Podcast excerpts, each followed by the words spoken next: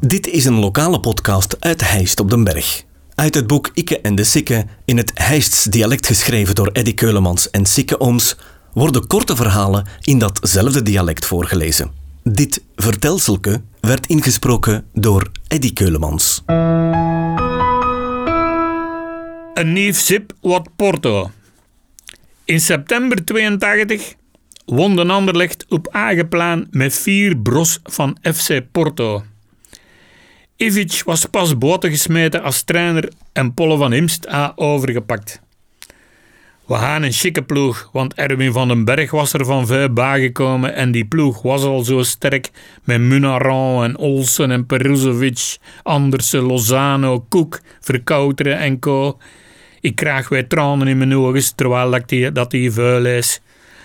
De Jean de Koning vroeg dat ik geen gusting had om mee naar Porto te vliegen naar de, voor de terugmatch. Het was een arrangement van een dag of drie. En op en af in dezelfde vlieger als de spelders. Dat spelletje kostte toen 28.000 frank.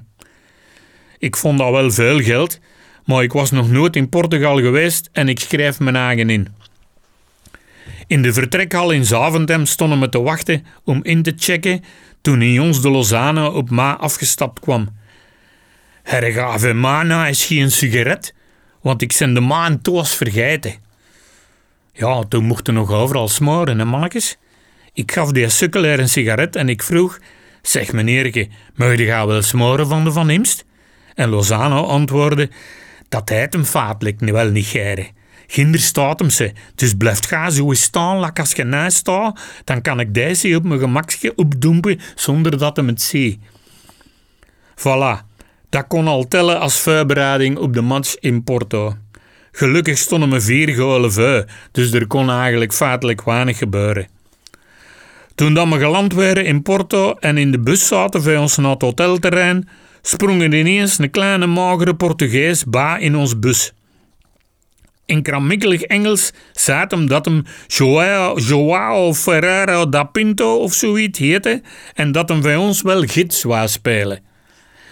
Die Charles hebben dat twee dagen aan ons broek gehad. Die volgde ons overal. We grokten die in meer kwaad.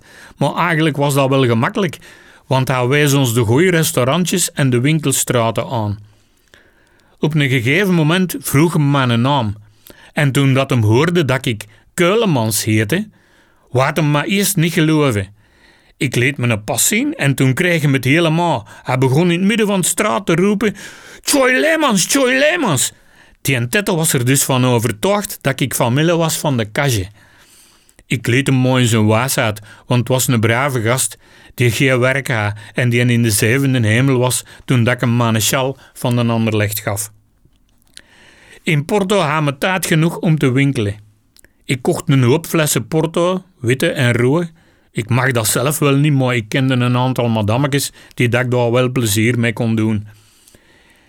In een boutiqueje zag ik een lichtgraas sippeken hangen, dat heel het trok op de tenue van de spelders.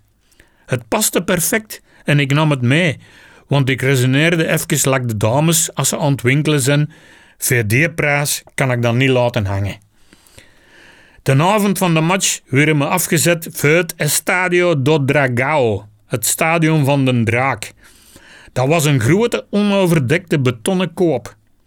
We kregen 0,0 begeleiding en na een tijdje zoeken vonden we ons nummerke op de zitplaatsen ter hoogte van de middellijn. Gezellig, midden tussen een stuk of 40.000 Portugezen. Voor ons te kojeneren wapperde die met een reuze groot vlag voor onze neus. En toen dat er met een alameur onder heeft, kreeg de Jean wat een attack van schrik. Gaat het niet goed zeker? Ze biedt krijgen me hier nog goed wat toek, sist het hem tegen mij. En die mannen die stonden wel met vier bros achter, maar die dachten echt dat ze ons nog konden inhalen. Hè? Die stadionomroeper die bleef maar roepen: Porto, Porto, Porto. Zelfs toen de arbiter de match al op gang had gefloten, bleef die daar roepen. Hè? De match kabbelde wat over en weer, maar rond het half uur kreeg Ludo Koek de bal iets over de middellijn. Hij dribbelde een paar pasjes naar vuil hefte zijn kop even omhoog voor te zien wat dat hij kipper stond en loste toen een van zijn fameuze kanonskogels bonk in de rechtse hoek. Dat kipperke verschoot zijn eigen bult, maar het was 0-1 voor ons. En rondom ons, man mens toch, die 40.000 lawaadmakers waren op slag mooi stil. Ik kost me niet even, ik sprong recht en ik mokte het op elk klote gebaar. He, je wel, gepakt met een linkse hand in de ploer van een verrechtse elleboog, gevolgd door een krachtige opwaartse beweging van een rechtse gebalde vest. Maar ik moest weer terug gaan zitten van de Jean. Toen was de match zeker gespeeld. We hebben toen in de tweede time een gest gedaan, door de jongetjes te laten winnen met 3-2. Zo konden ze toch nog met een flave lach op hun gezicht terug naar moeder de vrouw. De volgende dag landden we rond de noen op Saventem. En we hebben gehoord dat er strenge controle ging zijn van de douane. Want die waren wij maar eens op hun teen getrapt omdat ze niet genoeg prei trokken. De meeste van ons hadden natuurlijk veel te veel drank en sigaretten bij, dus dat ging nog een spannend momentje worden aan de noodgang.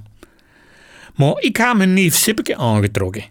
En ik wandelde gezellig keuvelend tussen die troep shotters, neven per Hansen Freeman, onze sympathieke Deense middenvelder, verbaden douane.